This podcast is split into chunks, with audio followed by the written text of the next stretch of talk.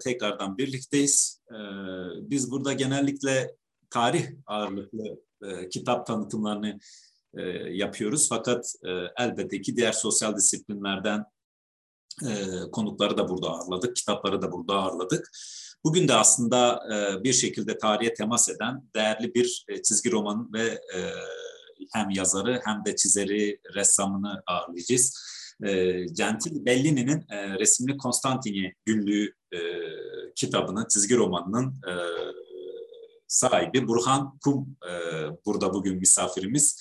E, Türkiye'nin önemli ressamlarındandır kendisi. Ben huzurlarınızda kendisine programımızı katılımı kabul ettiği için çok teşekkür ediyorum. Hoş geldiniz efendim. Hoş bulduk. Ben teşekkür ederim. Şimdi e, hakikaten de çizgi roman e, alanına çok uzak biri olarak e, benim büyük bir zevkle hem çizimlerini takip ettiğim hem de e, çizimlere verdiğiniz yorumları ziyadesiyle beğendim birçok şey de öğrendim açıkçası bir tarihçi olarak da. E, bu açıdan da çok teşekkür ediyorum e, ve ta, tabii ki e, Türkiye'de e, kasvetli bir hale büründürülen e, tarih ve tarih eğitimine de farklı bir mecradan yeni bir yaklaşım sunmanız hasebiyle de değerli bir çalışmadır. Çok sağ olun, çok var olun. E, isterseniz e, ben ilk sorumla sözü size bırakayım efendim. E, siz e, neden böyle bir çalışmayı, e, böyle bir çizgi romanı e, kaleme almayı, çizmeyi düşündünüz? Bu hangi ihtiyaca binaen doğdu? Buyurun efendim. 2014 yılında sevgili Aydın Çubukçu beni aradı ve dedi ki ya gelecek sene Ermeni soykırımının 100. yılı biz onunla ilgili bir evrensel basım olarak e, kitap hazırlıyoruz. Utanç ve onur diye. Osmanlı İmparatorluğu'nda Ermeni ressamlar bölümünü yazar mısın dedi. Ben dedim seve seve yazarım. Az bir şeyler biliyorum ama bu vesileyle dedim bu konuyu da araştırma şansına sahip olurum. Dört ay süren bir araştırma yaptım. İstanbul'a geldim, Topkapı Sarayı'nı gezdim, kütüphanelere gittim, yazarlarla tanıştım ve şunu gördüm ki Osmanlı İmparatorluğu'nda aslında resim Türkçü tarihçilerin iddia ettiği gibi 1835'te falan başlamıyor yani. Ondan çok çok önce Ermeni ressamlar Rum ressamlar Osmanlı tebaası olan bu insanlarda resim serbest, kiliselerde resim eğitimi veriliyor ve aileler çocuklarını kendi paralarıyla o zamanın yüksek okulu olan Roma Güzel Sanatlar Akademisi'ne gönderiyorlar. Ermeni aileler, Rum aileler devlet desteği olmadan ve çok iyi ressamlar e, yaşıyor o sırada Osmanlı'da. Tabii saray bunun farkında olduğu için önce 3. Mustafa tabii gerileme döneminde bu sanatın önemi fark ediliyor Osmanlı'da. Çünkü sanat bir anlamda modernleşme ve tasarım demek. Yani sadece orduyu modernleştirerek bu işin olmayacağını anlıyorlar ve resimler ressamlarla da çalışmaya başlıyorlar. Üçüncü Mustafa'nın, Abdülhamit'in, ikinci Mahmut'un, üçüncü Selim'in muhteşem portrelerini yapıyor bu insanlar. Fakat Türk tarihinde bunlara hiç yer verilmiyor. Yani çok önemsizleştiriliyor. İşte azınlıklar, işte gayrimüslimler falan gibi ötekileştirmenin devam ettiğini gördüm. Devam ettim ben dedim ki yani bunu yazıyı bitirdikten sonra aslında bunun bir geçmişi de olmalı dedim ve gide gide en sonunda Fatih ile Bellini'nin İstanbul'daki ilk karşılaşmasına kadar geri gidiyor Türkiye'de resmin tarihi. 1479'da Bellini'nin İstanbul'a gelmesiyle Türkiye'de aslında resim tarihi başlıyor dedim. Ben bunu bir anlatayım yani insanlara. Yani nasıl anlatayım? Çizgi roman aracılığıyla olabilir ama biraz daha okuma yapmam gerektiğini düşündüm. Çünkü döneme ait kitap bulmak çok zor. Birkaç kitap da işte Babinger'i, Angelio'yu buldum ama bir de işin felsefesini oturtmak lazım yani. Dedim ki yani bu bir hamasi yani bir Rönesans e, meselesi ya da işte Türk bir Türk padişahın ileri görüşlülüğünden başka bir şey olması lazım ve o sırada Hans Belting'in Floransa ve Bağdat kitabıyla karşılaştım. Bir mücevherdir yani. Orada doğuda ve e, batıda resim üzerinden dünyaya bakışın tarihini okuyunca tamam dedim. Şimdi hikaye tamamlandı. Aslında Fatih ile Bellini'nin yaptığı Osmanlı'ya yeni bir bakış açısı getirmek. Ve bu anlatılacak bir hikaye olduğuna karar verdiğimde senaryomu yazmaya başladım. Çalışmanız e, Rus yönetmen Alexander e, Sukurov'un e, geleceği herkes görebilir. Ancak geçmişi kimse hatırlamaz. Epigrafıyla, sözüyle başlıyor. Bu sizin çizgi romanla anlatmak istediğiniz bir mesajın ruhunu mu yansıtıyor? Bu bilinçli bir tercih mi? Tabii bilinçli bir tercih çünkü ya bütün dünyada aslında resmi tarih geçmişi unutturmak için yazılır. Hı hı. Yani bu Rusya'da da böyledir, Türkiye'de de böyledir. Amerika'da da, Hollanda'da da, Fransa'da da kesinlikle bunun e, aksine hiçbir şeyle karşılaşmadım. Hatta Amerika'dan gelen bir arkadaşım Amerikan ilkokul kitaplarında şöyle bir pasajın geçtiğini söylerler. İşte Avrupalılar Amerika'ya geldiklerinde, New York'a yerleştiklerinde batıya gitmek isterler ve bomboş topraklarla karşılaştı derler. Yani Kızılderilileri tamamen yok sayar Amerikan tarihi. Silmiştir yani. Evet. Bunu böyle okuturlar. Evet. Ve Türkiye'de de tarih, yani resim tarihini okuduğumda aslında yani Türk tarihçileri, Türkçü tarihçiler diyelim de hani daha doğrusu. Türk resmini 1835'te 2. Mahmut'un Bahriyelileri Londra'ya göndermesiyle başlatırlar. Çünkü onlardan dönenlerden bazıları işte Ferik İbrahim Paşa gibi ressam olmuşlardır. Ama ondan önce Anadolu'da Rum ve Ermeni kiliselerinde bin yıldır resim yapıldığını ve bu geleneğin Osmanlı kültürü içinde yer aldığını tek kelime söz etmezler. Ta ki ne zaman Ermeniler, özellikle Ermeniler ve Rumlar, çoğunlukla Ermeniler Osmanlı'da saray ressamı olup padişah portreleri yapmaya başladığında 3. Mustafa, işte 3. Selim, 2. Mahmut onlardan bahsederler ama şöyle bahsederler. İşte azınlıklar ve gayrimüslimler diyerek dışlayıcı bir dilde ve önemsizleştirerek onların emeğini bahsederler. Halbuki benim için Osmanlı hem Ermenidir, hem Rum'dur, hem Türktür, hem Kürttür yani. Benim için resim tarihi ve Ermeniler çok önemli bir örnek Türk resim tarihinde ve Gentile Bellini'nin de e, yani yeri, yeri tartışılmaz. Peki e, değerli Burhan Bey, siz e, bir ressam olarak e, benim çok fazla bir malumatım olmadığı için alanınız çünkü siz bir sanatçısınız. Efendim resim ve tarih ilişkisine nasıl bakıyorsunuz? Valla tarih resimle başlar. Çünkü ilk elimizdeki ilk tarih yazımı nesnelere baktığımızda yazılara ne görürüz? 4-40 bin yıl önce İspanya'daki mağaralardaki mağara resimleridir. Aslında bunlar birer tarih yazımıdır. Oradan biz o toplumların nasıl yaşadığını, ne avladığını, nasıl birlikte hareket ettiklerini, nasıl iletişim kurduklarını görürüz. Yani resimle tarih aslında simbiyotik bir ilişki içinde kardeştirler.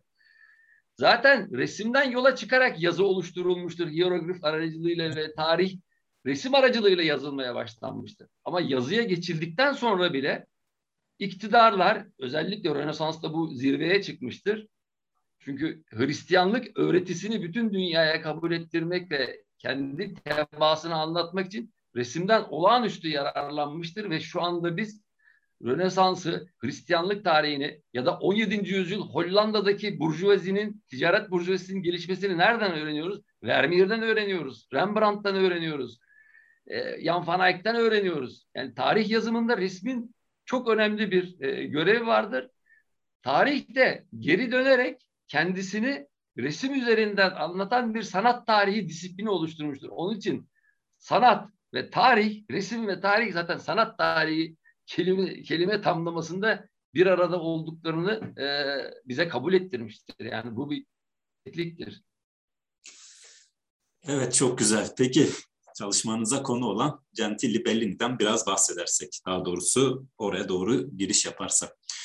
Kendisi hakkında biraz e, malumat verebilir misiniz? Ve Tabii.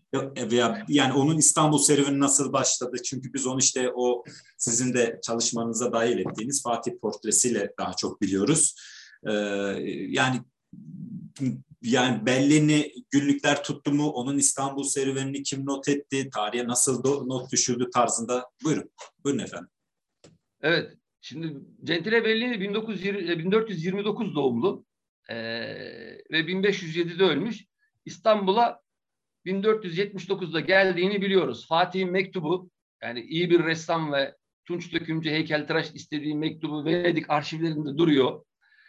Bellini'nin burada olduğuna dair ben hiç şüphe duymuyorum. Bazı tarihçiler, Türk tarihçileri yazmıyor. Onun için gelmemiş olabilir diyor ama Türk tarihçileri zaten soykırımları da yazmaz yani. Hiçbir şey yazmaz yani. Türk tarihçileri işine gelmeye hiçbir şey yazmazlar yani. Onun için ben Türk tarihçilerine bakarak bir olayın gerçekleşip gerçekleşmediğine bakmam yani. Düşünmem.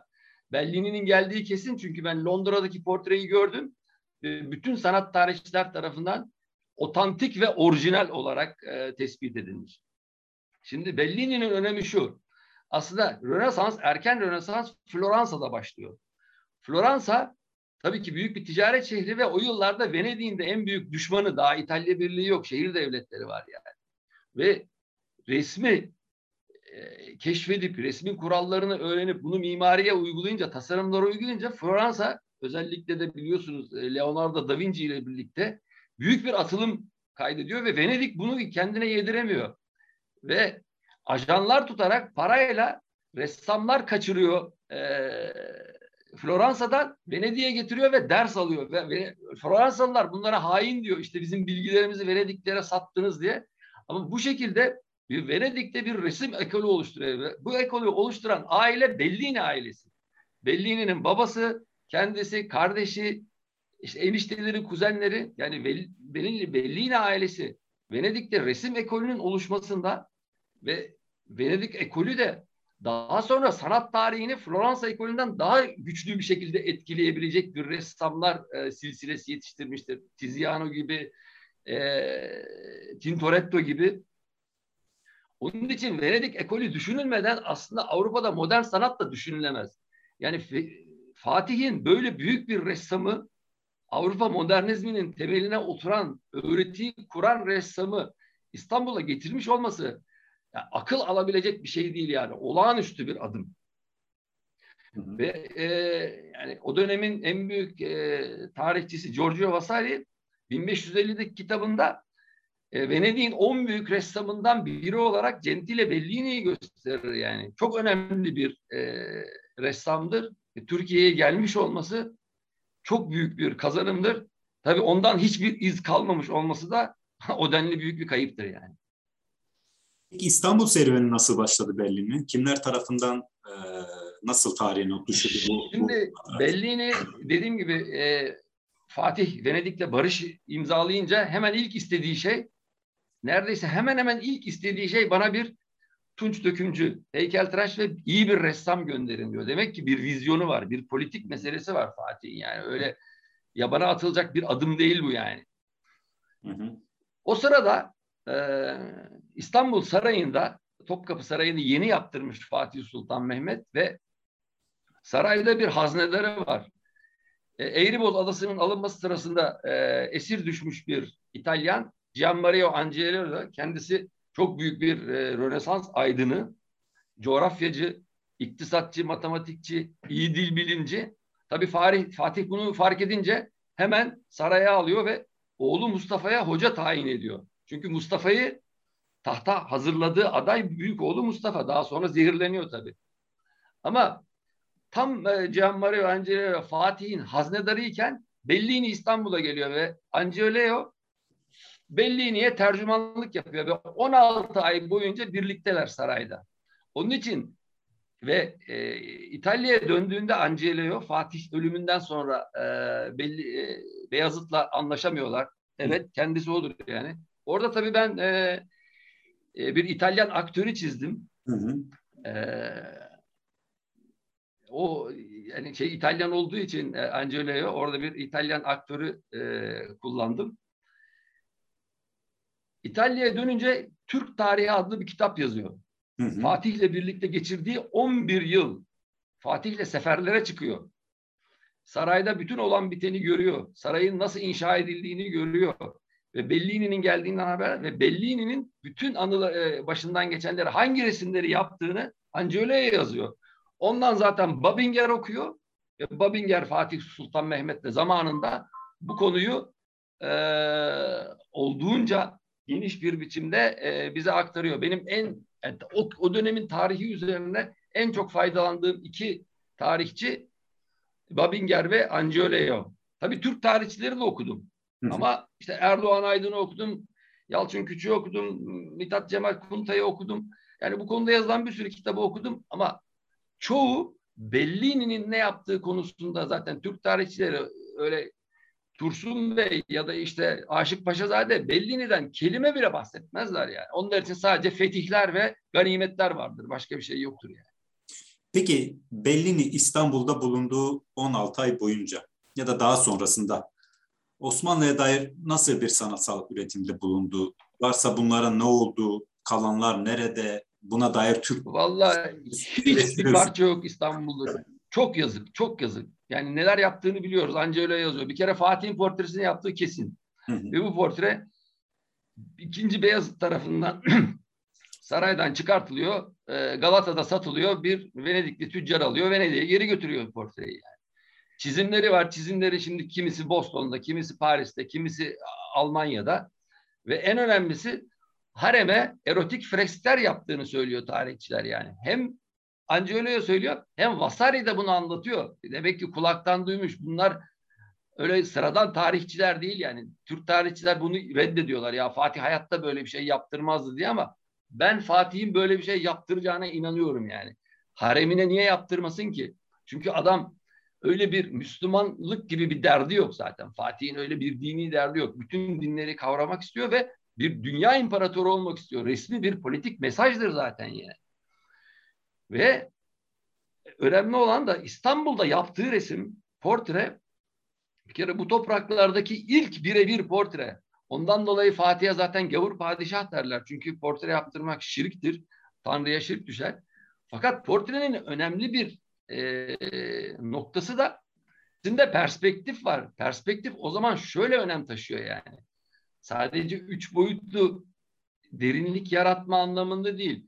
Perspektif daha önce tanrısal bakışı yeryüzüne indiriyor ve dünya artık Tanrı'nın değil insanın gözünden görünüyor. Yani ressamın gözünden görülüyor. Ressam aradan çekildikten sonra bizim gözümüzden görüyoruz dünyayı. Biz onun yerine geçiyoruz çünkü.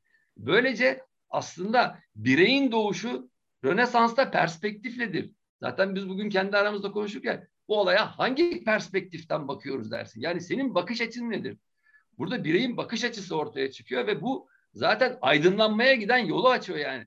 Eğer perspektif olmasaydı aydınlanma olmayacaktı. Resmin böyle de büyük bir önemi var. Ve bu resim çok yazık e, elden çıkartılıyor. Bir şey daha söyleyeyim. Buyurun Yani o sıralarda Almanya bizi gerçekten kıskanıyor.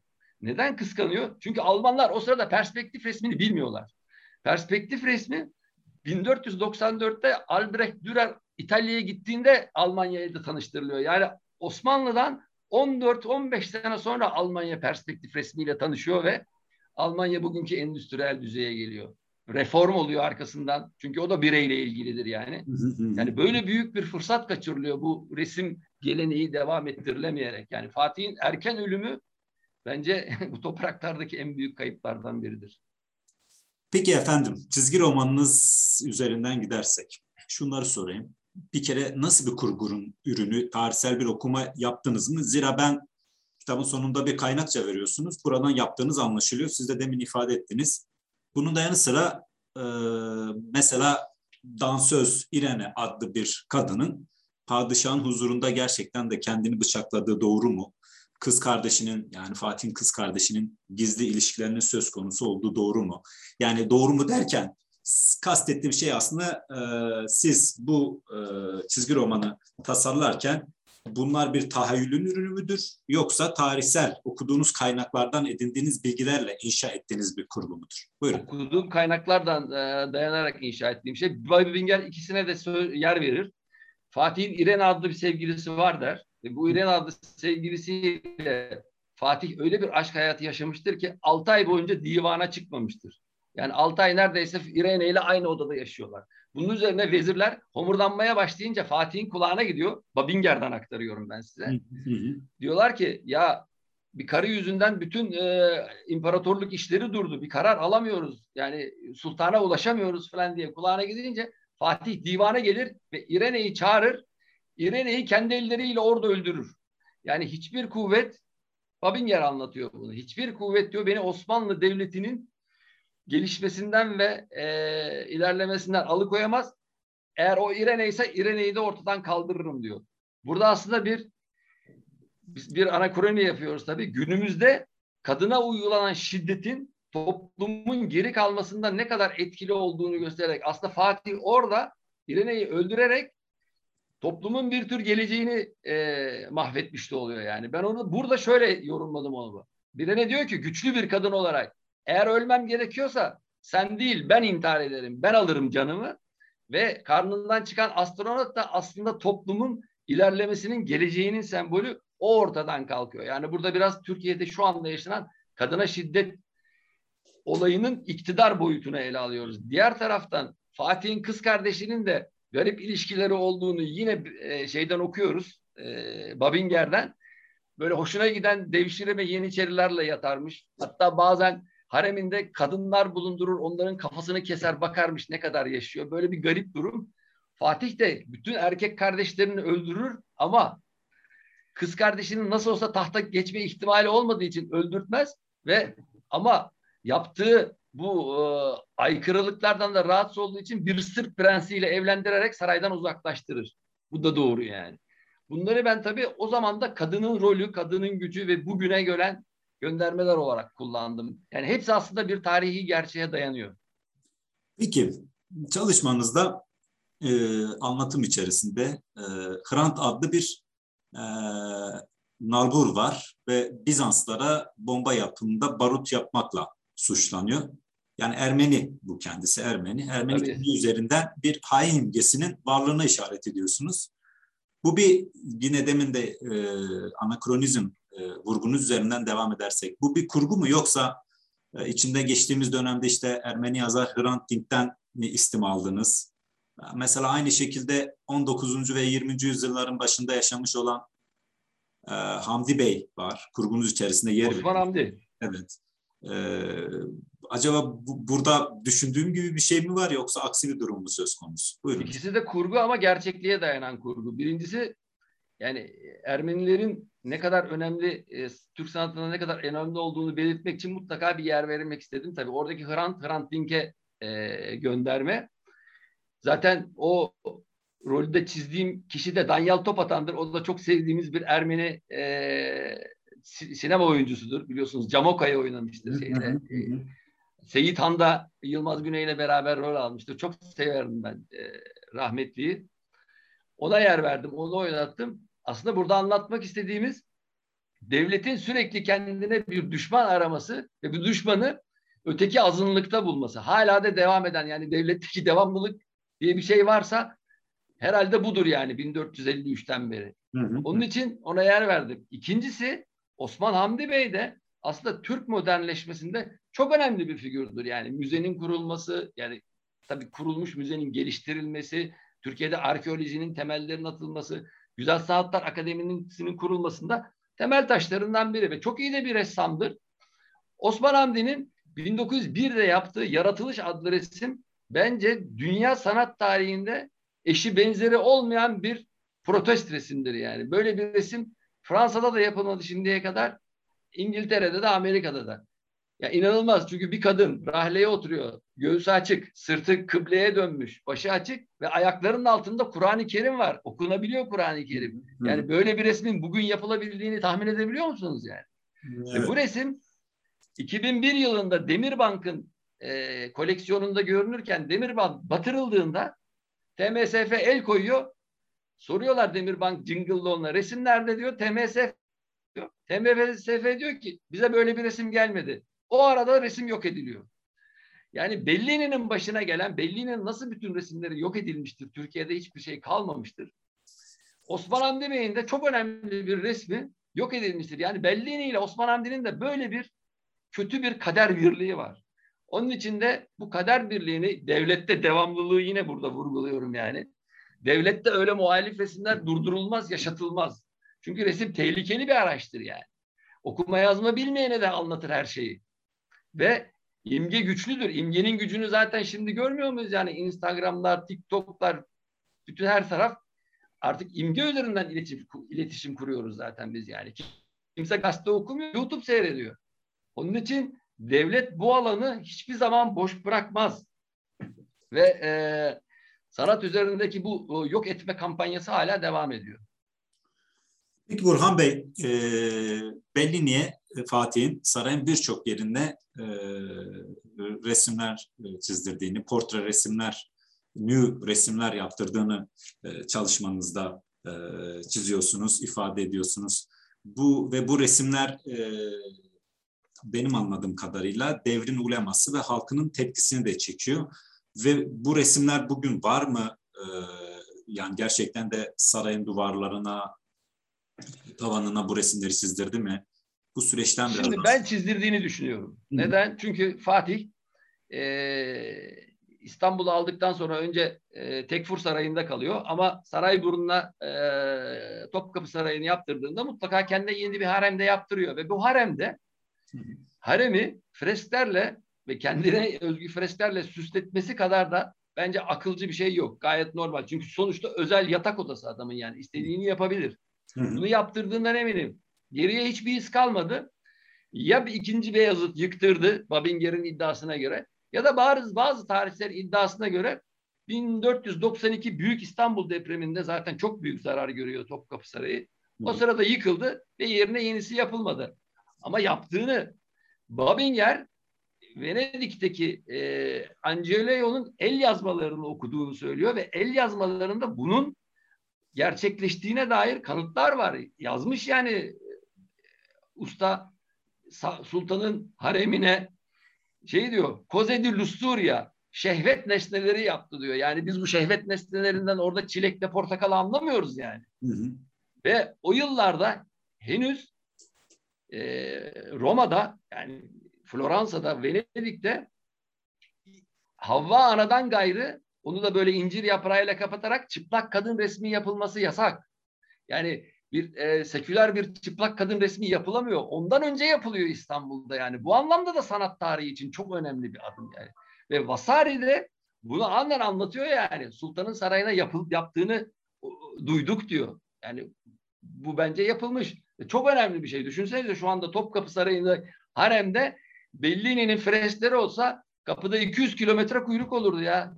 Japonlardan Amerikalılara yani dünyanın sanat merkezi olurdu İstanbul yani. Peki son bir soru daha. Siz e, Türkiye'de e, resim sanatının e, tarihine dair ne söylemek istersiniz? Eleştirileriniz var mıdır olumlu ya da olumsuz? Olumsuz eleştirim çok. Çünkü bence Türk resim tarihi 1835'te e, 2. Mahmud'un Bahriyeli öğrencileri Londra'ya gönder, gönderilmesiyle başlatılması son derece saçma bir şey yani. Ben size bir anımı anlatayım. Antalya'da bir sergi açıldı. Türk resminde portre. Ve serginin küratörü Profesör Burcu Bel Pelvanoğlu. Kendisi geldi, sergiyi anlattı falan filan. Ben de dedim ki, ya dedim 1835'ten başlatıyorsunuz. Ondan önce dedim Manas ailesinin bütün fertlerinin yaptığı ikinci Mahmut portreleri var. Kapıdağlı Konstantin muazzam bir ressamdır yani. Roma'da eğitim görmüş ve Kurtuluş, İstanbul Kurtuluş'tu. İstanbul Kurtuluş'taki kilisede Kapıdağlı Konstantin elinden çıkma inanılmaz eserler var. Orada kimsenin haberi yok yani. Bunları dedim niye bahsetmediniz? Belli neden niye bahsetmiyorsunuz? Burcu Hanım'ın bana verdiği cevap şu. Onlar Türk değil, bizden değil dedi. Kendi kültürümüzü, bu kadar zengin kültürü ben Ermeniyi niye reddedeyim abi yani? Bu, bu toprakların yetiştirdiği, bu toprakların tebaası yani milleti sadıka değil, milleti mahiran. O kadar yetenekliler ki yani her alanda bakıyorsunuz Ermeniler var yani. Sen 1915'te bu birikimi yok ediyorsun. Ondan sonra içinde bulunduğumuz hödüklüğün nereden kaynaklandığını sorguluyoruz. Yani bu Osmanlı birikimidir. Bence Türk tarihinde yeri vardır. Bunu mesela hiç bahsetmiyorlar yani. adını bile anmıyorlar. Konuştuğun zaman da onlar Türk değil diyorlar. Yani tarihi dar bir Türk kalıbına sıkıştırıyorlar. E peki heykel ne diyeceksiniz? Osman Hamdi Bey'in kurduğu akademideki heykel bölümünün başkanı Oskan Efendi. Bir Ermenidir yani. Ve Nemrut'taki kazılarda bütün e, heykellerin ölçülerini o almıştır yani. Böyle önemli bir insanın mezarı bulundu ve belediye 1990'da mezardan yol geçirerek mezarı yok etti. Bu nedir? Tarihte tamamen tarihte ortadan kaldırma, silme harekatıdır. Bu bizi fakirleştiren bir durum. Buradan biz hiçbir yere varamayız yani. Benim de ölmek istediğim bence bu topraklarda Bellini de dahil. E ne oldu? Ben Burcu Hanım'a sordum. Dedim ki peki matbaayı kim başlattı dedim Türkiye'de? İbrahim Müteferrika. E o da Macar Yahudisiydi. Ama o dedi Müslüman oldu. Yani bu bakış açısıyla biz nereye varabiliriz hocam? Bellini yani adını Burhan adını almadığı için Müslüman olmadığı için biz bunu tarihin bir parçası saymayacağız yani. Son derece saçma. Fransız tarihi deyince resim tarihi adamlar hemen Van Gogh'la Picasso'yu başa koyarlar. Biri Hollandalı, biri İspanyol. Fransızın derdi değil. Çünkü bu, bu resimler Paris'te üretildi diyor. Fransa'da üretildi. Fransız tarihin bir parçası. Doğrusu o. Ben Şimdi, bundan çok şikayetçiyim. Evet, şikayetinizi ifade ettiniz. Belki Burcu Hoca'nın da farklı bir şekilde ifade etme e, istediği bir şey olmuştur. Tabii ona şimdi burada karar da veremeyiz. Siz bir anınızı anlattınız. E, şimdi ben e, ben öncelikle size çok teşekkür ediyorum. E, çok e, büyük bir zevk duyarak izlediğim, e, okuduğum, e, yani çünkü e, çok böyle çizgi roman e, takip eden birisi değilim. Fakat bu çalışmanız hakikaten e, bir tarihçi olarak beni çok heyecanlandırdı ve Türkiye'de belki tarih bilincinin e, artması, tarih tarihin sevdirilmesi manasında çok önemli bir çalışma. E, 1984 yayın evinden çıkan bu çalışmanız evet. E, dilerim ki bundan sonra da böyle zevkli tarih e, çalışmalarını bize kazandırırsınız. Ben e, programa katıldığınız için de çok çok teşekkür ediyorum efendim. Son bir şey söyleyebilir buyurun, miyim? Efendim, buyurun. Şimdi ben tarihçilerin emeklerini e, değersiz demiyorum. Ben tabii bütün bu kitapların bilgilerini dayandırırken tarihçilerin yazdıklarından faydalandım. Ama bir de şunu tavsiye ediyorum kendilerine, rica ediyorum yani. Bir de döneme mesela 3. Selim döneminde ki Türk modernleşmesinin çok önemli e, figürlerinden biridir. Hunharca katledilmiştir. Ama Kapıdağlı Konstantin adlı bir Rum ressamla birlikte çok önemli portrelerini yapmıştır. İnanılmaz yani döneminde Fransa'da yapılan resimlerle boy ölçecek kalitede, düzeyde, yüksek düzeyde ve son derece ilginç göstergeler içeren portreleri vardır Selim'e dair. Yani Selim dönemine bir de Kapıdağlı Konstantin monografi üzerinden bakılsa sanat tarihçilerinden böyle bir şey rica ediyorum. Ya da Ermeni ressamlar üzerinden tanzimatı bir araştırsalar biz de bu vesileyle sanat tarihine başka bir perspektiften bakma şansına sahip oluruz ki bu tarih bilincinin topluma yayılmasında bence önemli bir faktör olur yani. Bunu bekliyorum ben tarihçilerden. Eyvallah. Mesela şöyle de bir şey örnek vereyim. Yani Avrupa'da da bile yok. Oryantalizmi yazdığında Edward Said aslında bunun resim üzerinden de bir kere yazılması gerektiğini söyledi ama kendisi bunu yazacak düzeyde değildi. Yani resmi bence yabana atmadan tarihin önemli bir unsuru olarak hayatımız içine almalıyız. Eyvallah. Çok teşekkür ediyorum. Katılımınızdan ben teşekkür ederim. tekrardan bir teşekkür göndermek isterim.